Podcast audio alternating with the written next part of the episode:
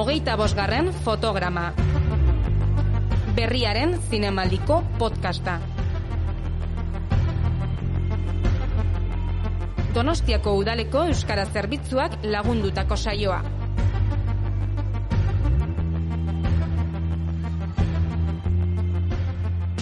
Kaixo entzule berriaren zinemaldiko podcastean zaude.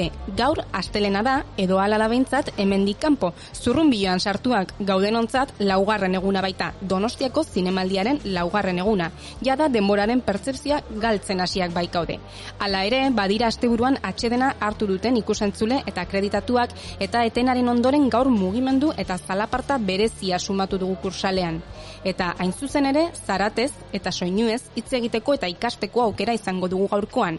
Gurekin izango baitugu Xavier Erkizia soinu artista eta ikerlaria. Oiemer film esperimentala estrenatu zuen atzo zinemira saiean, idi gurdien hotxak munduan zehar egindako ibilbidea aztertzen duen lana, eta ari buruz galdetuko diogu biarraian lehen planoan.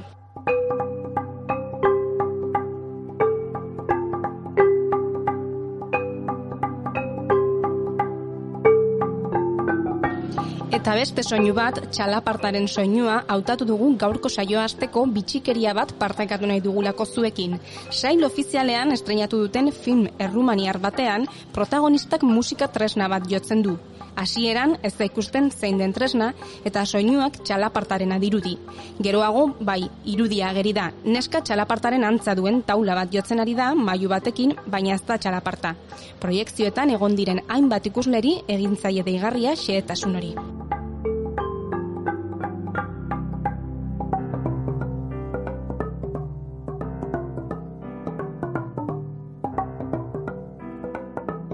Pelikula Alina Grigor errumaniarraren lehen filma da, Blue Moon. Atzo aipatu genuen asin jibenen moduan, Blue Moon ere familia patriarkaletako errepresioaren eta zapalkuntzaren erretratu bat da. Familia barruko dinamika toksikoetan harrapatuta bizi den neska gazte baten istorioa erakusten du. Baina izan da estrenaldi gehiagorik zinemaldiko sail ofizialean. Claudia Josa Peruko zinemagileak distantzia de reskate lana erakutsi du. Hemen beldurrei buruzko kontakizun azkar eta bizia da. Netflixek eko ekoitzi du Maria Balberde aktorea du protagonista eta Samantha Sheblinen izen bereko eleberrian oinarritua dago. Zuzendariak dioenez, liburua irakurtzen ari zela bukatu aurretik jada erabaki zuen zinemara eramango zuela. Eta Claire Simon ingelesak berriz, Marguerite Duras idazleak bera baino gita urte gazteagoa zen maitale batekin izan zuen harremana aztertu du bunu deziga kumoa filmean. Gizonak egindako grabaketa batzuk hartu zituen abia puntutzat eta hoiek birsortu ditu pelikulan. Gaur ere, sail ofizialeko filmei buruz hitz egiteko gerturatuko zaigu Mikel Zumeta eta beste sail batzuetatik hautatutakoen iritziak emateko berriz Uxue Arzelus. Eta kursaleko zubitik bere zutabea ekarriko digu urtzi urkizu kazetariak. Teknikan Lara Madina behitia dugu eta ni Anes Labano zue. Kursalean gaude eta hau hogeita bosgarren fotograma da. Az gaitezen.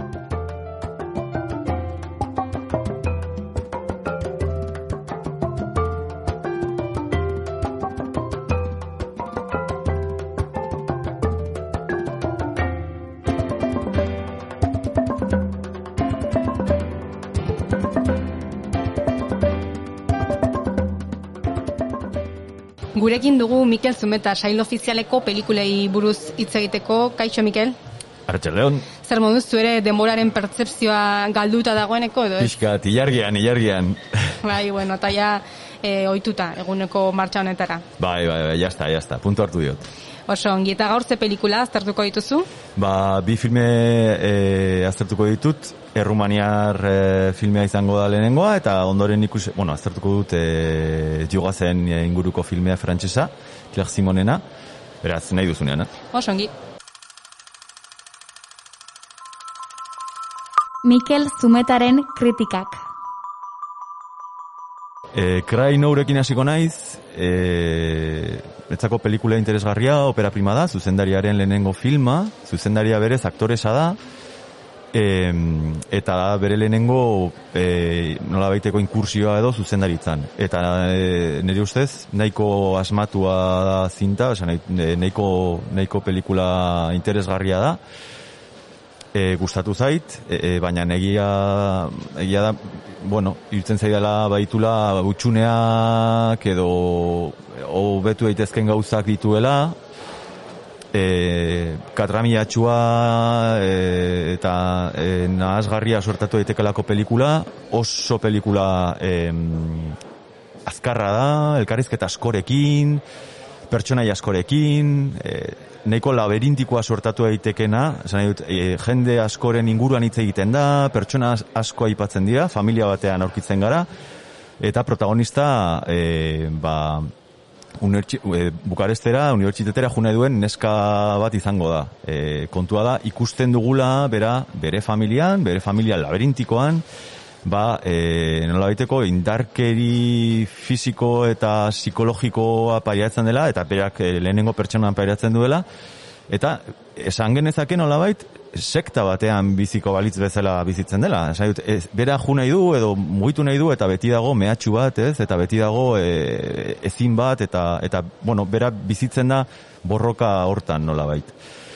Pelikula interesgarria nizu e, biltzen ditulako forma eta eta fondoa nolabait batzen ditu eta alde hortatik e, koherentea iruditzen zait. Eta gero ikusi dut bat, bazitula ba, bueno, referentziak beste pelikulen bati eta bueno, ez zaitu iritzen borobila, baina lehenengo pelikula izateko netzako oso nahiko asmatua dela eta eta gustatuko litzaidakela zuzendariaren urrengo filma ikustea. Ai cuvântul meu, mare, că să vină tata. Băi, da, Mă lași pe mine să vorbesc. băi, nu pot să respir. Rog. Victoria!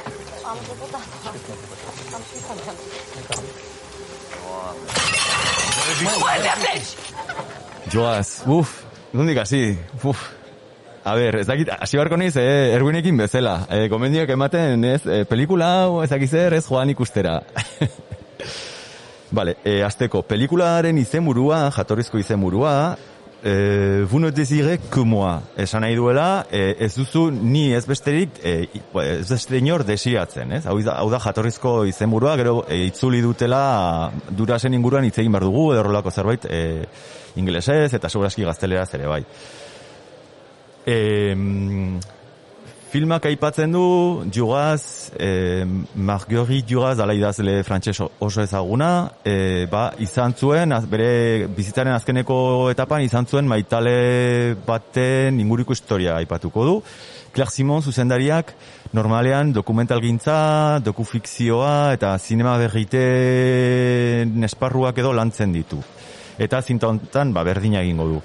Ezer egiten du, ba, maitale ark grabatu zuen elkarrizketa e, batzuetan oinarrituta, elkarrizketa hoiek berak bir sortu egin ditu aktoren bitartez. Oso historia gogorra, oso historia latza eta eta oso historia zaurgarria da. Oso oso oso gogorra. Kontua zein da? Estetikoki eta filmikoki e, aderreilua dela. Aderreilu izugarria dela. Ordun e, hor egon diteke pelikulak daukan traba eta niretzako eraberean e, izan dezakeen bertutea. Hau da, e, niretzako liuragarria da e, kontatzen duen guztia eta aurkitzen duen formula ere nahiko interesgarri iruditzen zait, naiz eta e, nik uste bidean jende e, asko eta asko eta asko galdituko den e, zaila eta gorra egiten delako formalki pelikula ikustea. Baina niretzako oso pelikula interesgarria da eta pustu oso interesgarria egiten du, e, naiz eta cinematografikoki agian e, ba, kuen, nolabait kontraesankorra sorta daitekelako, estatikoa delako, baina nik uste dut apostu e, e, kontzienteki egindako e, apustua dela eta, eta oso interesgarri egiten zait pelikula. Ba, min esker Mikel Oharrak jasota eta jarraian filmak ikusten dituenaren hitzak entzun ondoren filmak egiten dituenarekin mintzatzera igaroko gara eguneko elkarrizketan. Lehen, planoan. Idi gurdiek mugitzerakoan soinu berezi bat sortzen dute, oso soinu ozena. Mendeetan iraunduen soinu bat da, baina egun Iberiar penintxulan desagerturik dago.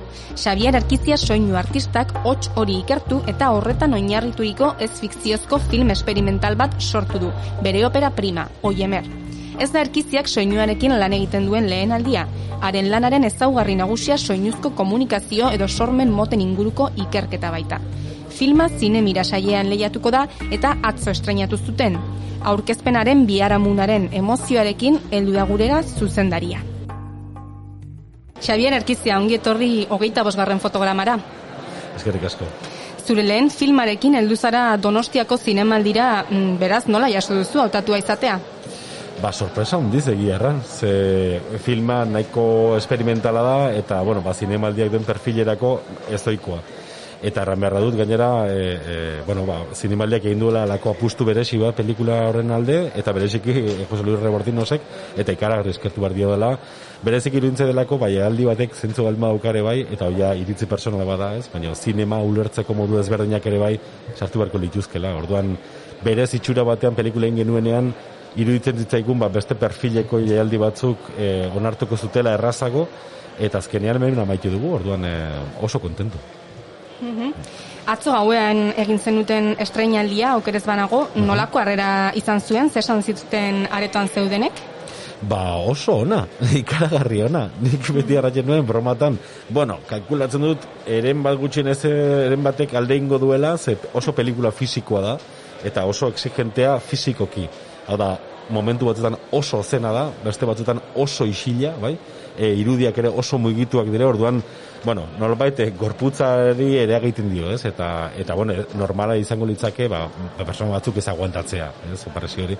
Eta egia erran atzo, oso harrera ona izan zuen, ondotik itzalditxo moduko bat, ez? Ezkit, e, elkarrizketatxo bat izan genuen e, entzulekin, eta ne sorpresako ez zuen inork alde egin zinematik. Hori esan behar nizun, beraz, gelitu ziren guztiak. Gelitu ziren guztiak, Bueno, eta gainera, bai, eta gainera gero ondotik, ba, ba komentatzen, eta, eta kurioso da nik uste dut, Ein handi batean, eta hori zen nik ere e, uste nuen, baina ez nekira lortuko nuen, eta da, zarata soinu honek, osea, askorentzak zarata da, eta e, nolabait badu gaitasun bat norberaren biografian sartzeko.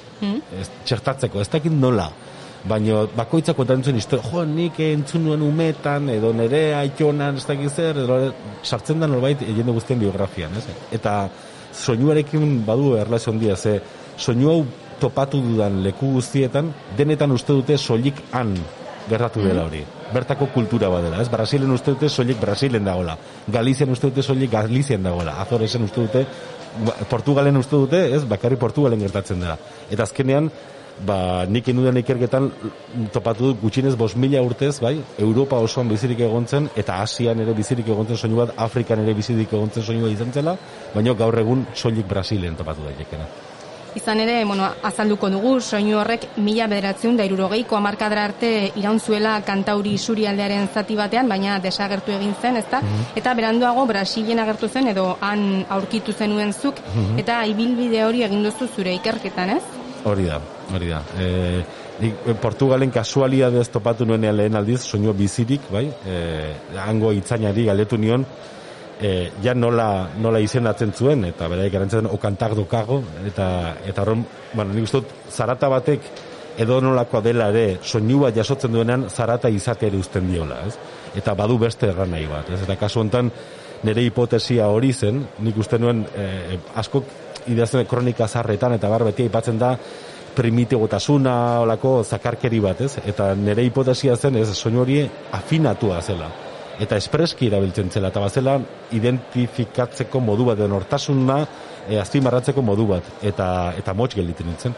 Ze Brasilen eh, ez bakarrik afinatu, eh, izugarrezko virtuosismoa eta taldean doazen gurdiak akordeak egiten dituzte eta gurdien ordena aldatzen dute soinu ederrena egin dezan, ez? Eh, Benetan bitxia da, eta okerez banago iraganean idi gurdien otxa, otxori komunikatzeko erabiltzen zela ere jakin izan duzu, nola erabiltzen zuten?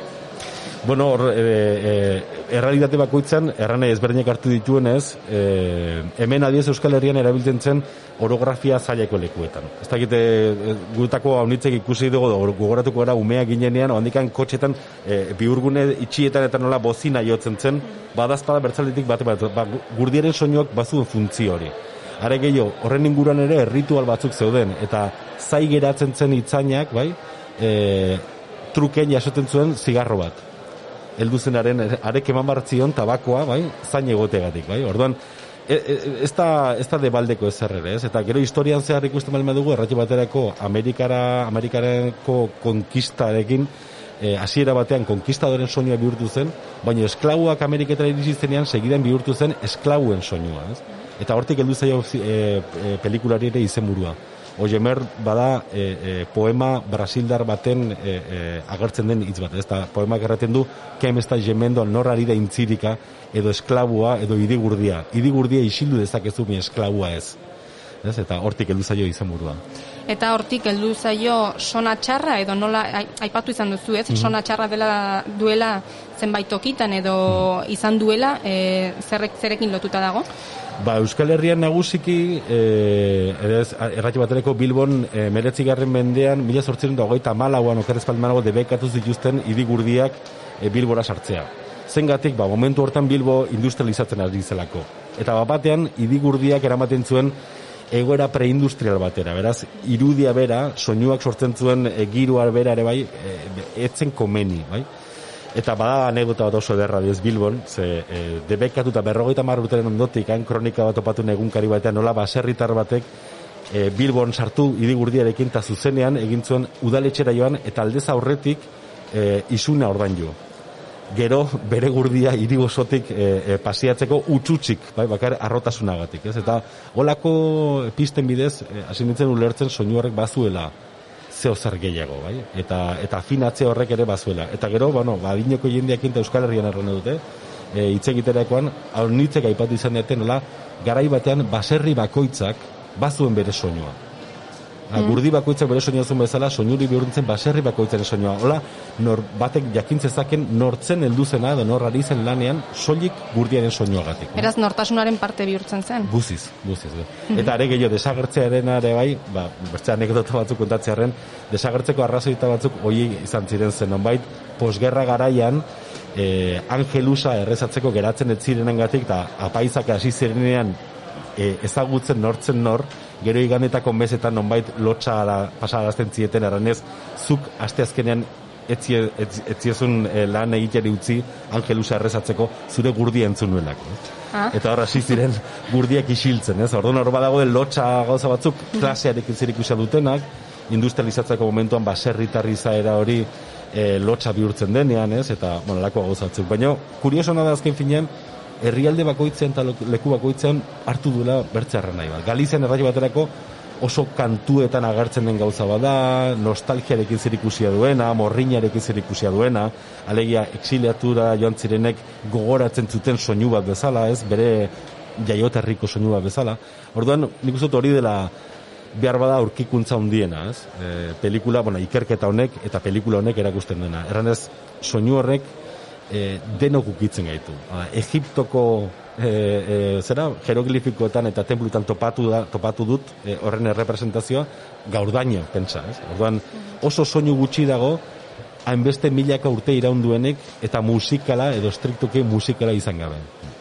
Beraz, e, gauza asko topatu dituzu ikerketa honetan, dena den atzera eginez, e, oso soinu berezi eta zehatza da, ez? E, pelikula honetan ikertu duzuna, eta zergatik suertatu zai- zitzaizun zuri erakargarria, idigurdien hotxa.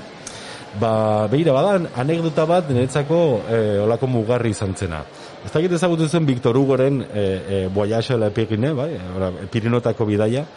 Eta kurioso da, gazteleraz, e, horla itzuli izan zela, Viaje a los Pirineos, eta hola argitaratu izan da. Euskarazko bertsioan, gainera, hemen eskutan izango duela nonbaitek, ez dakit non, e, koldo izagerrek itzuli zuenean, ez dakit zenbat berreungarren urte hurrena, edo Victor Hugoren e, jaiotzaren urte horren batean, Euskaraz e, lehen aldiz itzuli zenean, izenburu aldatu zion.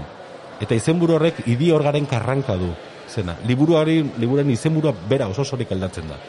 Eta gogoan dut momentu batean koldokin topo egin e, e, eta galdetu inoela.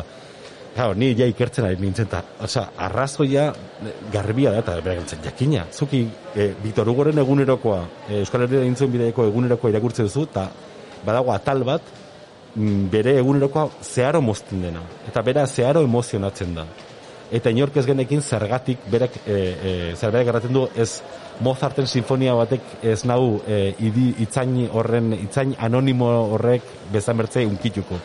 Eta nonbait kontua da Victor Hugoren atxa militarra zela beraz e, Napoleonen konkistago garaian un, bera umea zela, nonbait donostiera etorri zen oporretan, eta orduen entzun zuen, eta geroztik ez zuen unt- entzun, beraz, berrogei, irurogei urte beranduago bere itzultzen dena Euskal Herria eta lehen aldiz berri zen entzuten duena hori, ez?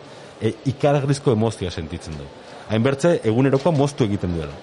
Eta bi, bi egunez edo ez du idazten. Eta gaina gola bukatzen da e, atal hori arrenez, jada ez dut gehiago idatziko. Alako unkiduragatik. Eta, karo, horrek, alako jakimina sortzen darateko, bueno, zer, zer gordetzen da, soinu horren atzean, ez? Eta horrela topatu jezke, emeretzi, emezortzi, emeretzi garren mendeko kronista mordo bat, Euskal Herria etortzen da, eta denek aipatzen dute soinu horren berezitasuna. Eta hori izan zen beraz zuretzako mugarria. Ba, nik uste hori eta entzun ezina. Hala, segurazki entzun izan manu, lehenengo kolpetik, hor, pelikula hau ez litzak existitu Baina hor badago zailtasun bat, eta gero Galizera joan nintzen, topatunen gurdilari bat, baino ez soinua. Portugalera joan nintzen, topatunen e, gurdizain bat, edo, edo itzain bat, baino ez soinua. Soinua kendua zion gurdiari, ez? Lotxagatik, bizilagunak esaten zirelako, eta barze oso soinu gozena da, oso oso gozena. e, eta orduan, bueno, beti izan da, egon da ezintasun bat, azkenean kasualia ez topatu nuen arte e, oporretan azoresi e, irletan, ez? Orduan, bueno, nik uste dut, e, olako minaiek sortzen direnean, ez, ezintasun horiek, horiek izaten dira askotan pizgarri handienak, ez ezan bakarrik intelektualak, baizik eta ezintasun batek bultzatutakoak.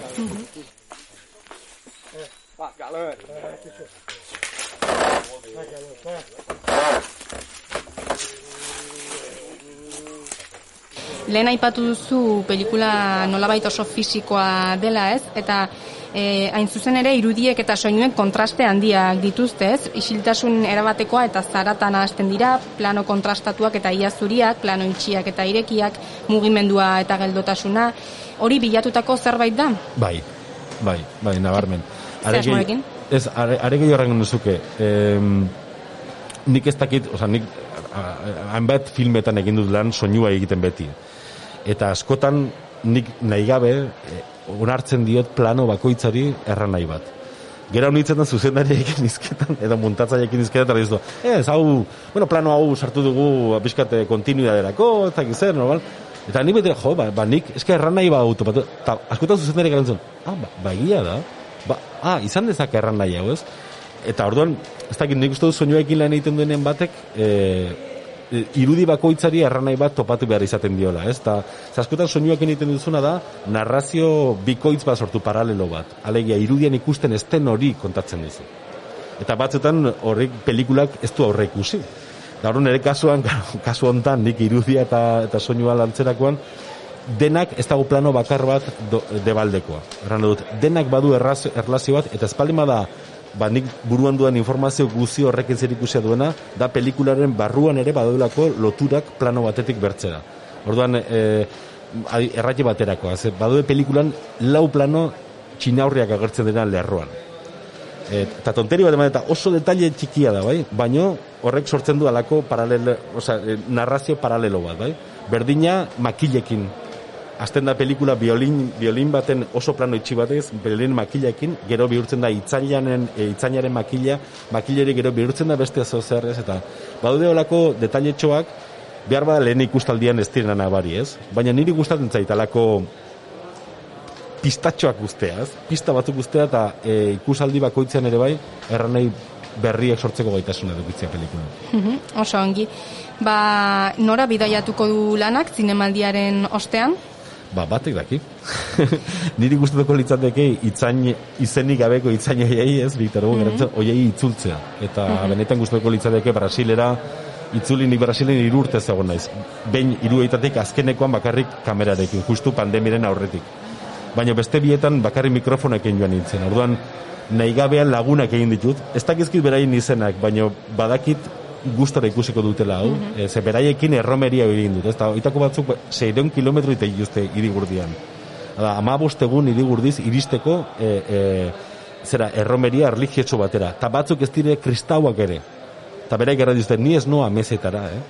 Ni noa bidaia egitegatik. Bai joaterakoa, baina bereziki itzulerakoa. Ze itzulerakoan ja ez dago inolako arrazoirik. Norberaren bidai bat baino, ez?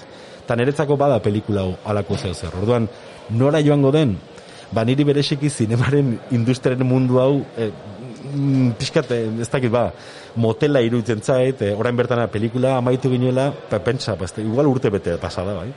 E, gutxixego, baino, eta urte bete zai egon behar duzu esklusibidade mantentzegatik, ez? eta nire hori pixkat antinaturala egiten zait. Baina ulertzen dut zinemaren e, sistemak hola funtzionatzen duela eta respetatzen dut. Baina benetan behin hau pasata, bai gustatuko litzaideake libreago ustea. Eta erakustea filma alden leku gehienetan. Eta badaude jada proposamenak, bai?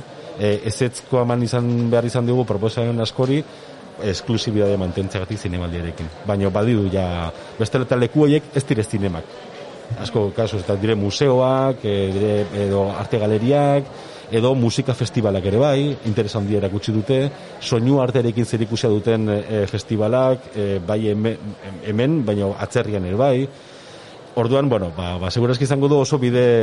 E, bizka gurdi, gustatzen zaize gurdiarekin zerikusia handia du, ez? Ez dagola arau bat. Ez? Eta soinu horrek e, leku bakoitzan erranei ezberdinak arditzela. Ba, ea, ala den, e, idigurdien hots e, horrek bezala bidaiatzen duen. Xabier Erkizia, eskerrik asko oiemer filma gurekin aletzeagatik. Zori, zori, ongi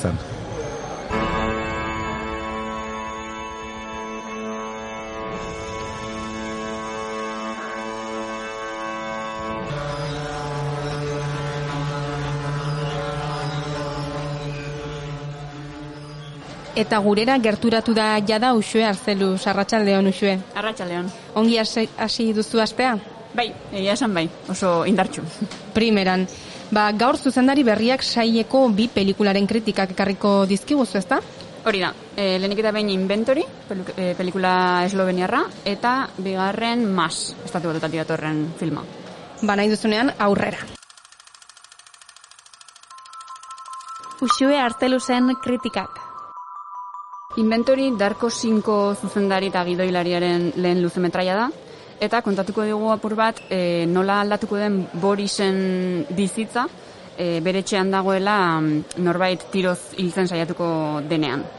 E, interesgarriena da ikustea nola erretratatzen duen zuzendari honek e, bizitza lasai eta esan dezagunia aspergarri bat duen gizon batek, e, nola ematen dion buelta bere bizitzari, ba, gertaera horren arira, ez? Hasiko da bera ikertzen zein izan daiteken, e, izan daiteken tirokatu duen pertsona, e, hasiko da ingurukoen e, konfiantza galtzen, eta mm, eta oso bilakaera interesgarria egiten du film guztian zehar. Bistveno je, da se midva osredotočiva na to, kdo bi vam lahko želel kaj slabega.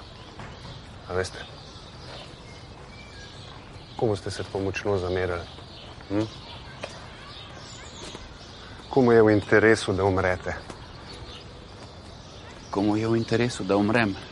Ja, nekdo je streljal na vas, gospod. Eta bestalde, e, Mas pelikula estatu batuetatikan, Fran Kranz e, zuzendariaren lehen luzemetraia da, bera aktore bezala lani, lanean ibili da orain arte.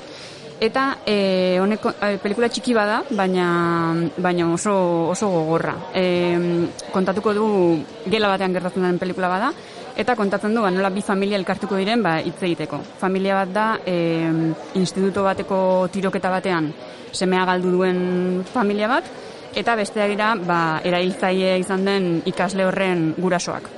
Eta nolabait zuzendariak lortzen duena da, gela horretara sartu baino lehenago ja sortzea tentsio izugarria ikuslegoan, eta naiz eta sinopsia edo zertaz dijoan jakinez, baina tentsio horretan sartzen zea, eta dira bi ordu e, ez tarrian korapilo bat. Beraz, eskerrak indartxu hasi duzula astea. Bai, hori da. Bueno, ba, eskerrik asko beste egun batez gurekin izateagatik usue eta jarraian kursaleko zubira gerturatuko gara urtzi urkizuren iruzkinak jasotzera gaur ne- nera bezaroa erretratatzen duten zenbait pelikula izpide.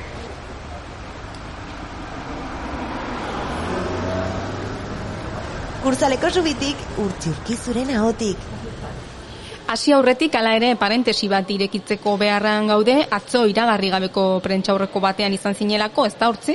Bai, ala izan zen, e, Paul Urkijok e, aurkeztu zuen irati filma datozen sortzi asteetan grabatuko dutena eta kontatu zunez zortzigarren mendean girotutako historio epiko bat izango da, Euskal Herriko historia, Euskal mitologia eta oso deigarria egin zitzaidan, bertan e, ba, zuzendariarekin batera antzeuden itziar ituño, eneko sagardoi eta edurne azkarate aktoreak eta egia esan e, ba, irrika piztu zigun jakiteko hemendik hilabete batzutara edo hemendik urte batera e, nolako pelikula izango te dan irati.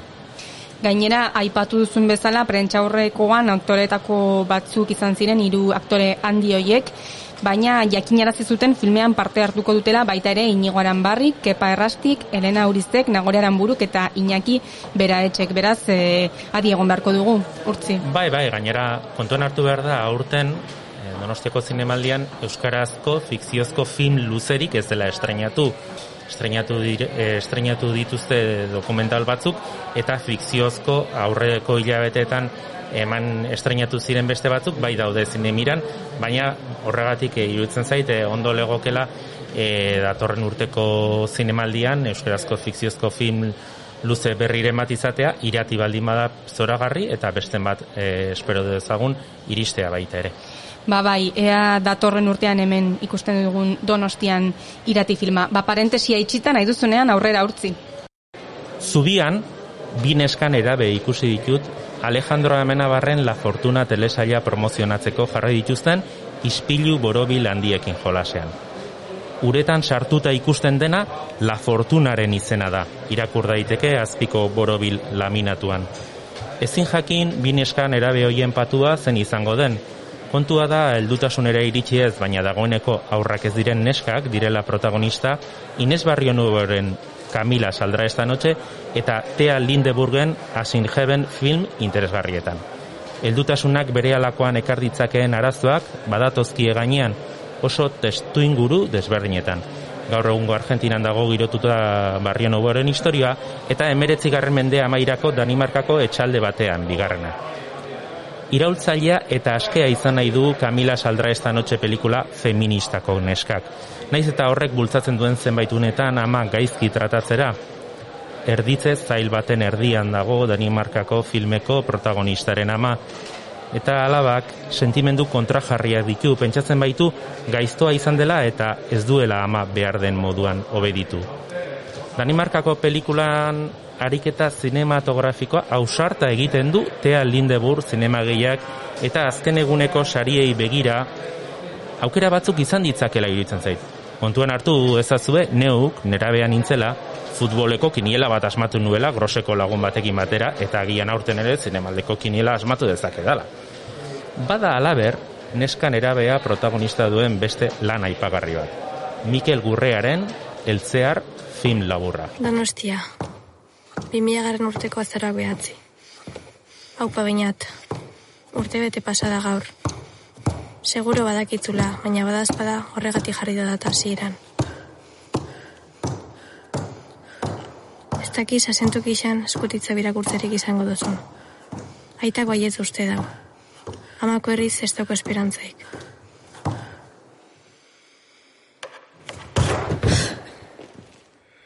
Venezian lehiatu ostean kinuakeko katalogoko proiektzioan eskaini dute eta zabaltegi sailan ere ari dira ematen. Kasu horretan, amabost urteko neska baten ofeko ahotsa entzuten da, entzun duzue. Eskalatzen ari ditzen den neska bat, anaiari gutun bat idazten, ikuspuntu iradokitzailea dulanak eta funtsean erakusten du, ez direla hain desberdinak Euskal Herrian, Argentinan, Danimarkan, edo beste edozein tokitan erabe batek izan ditzakeen, barne kezkak eta sentimenduak.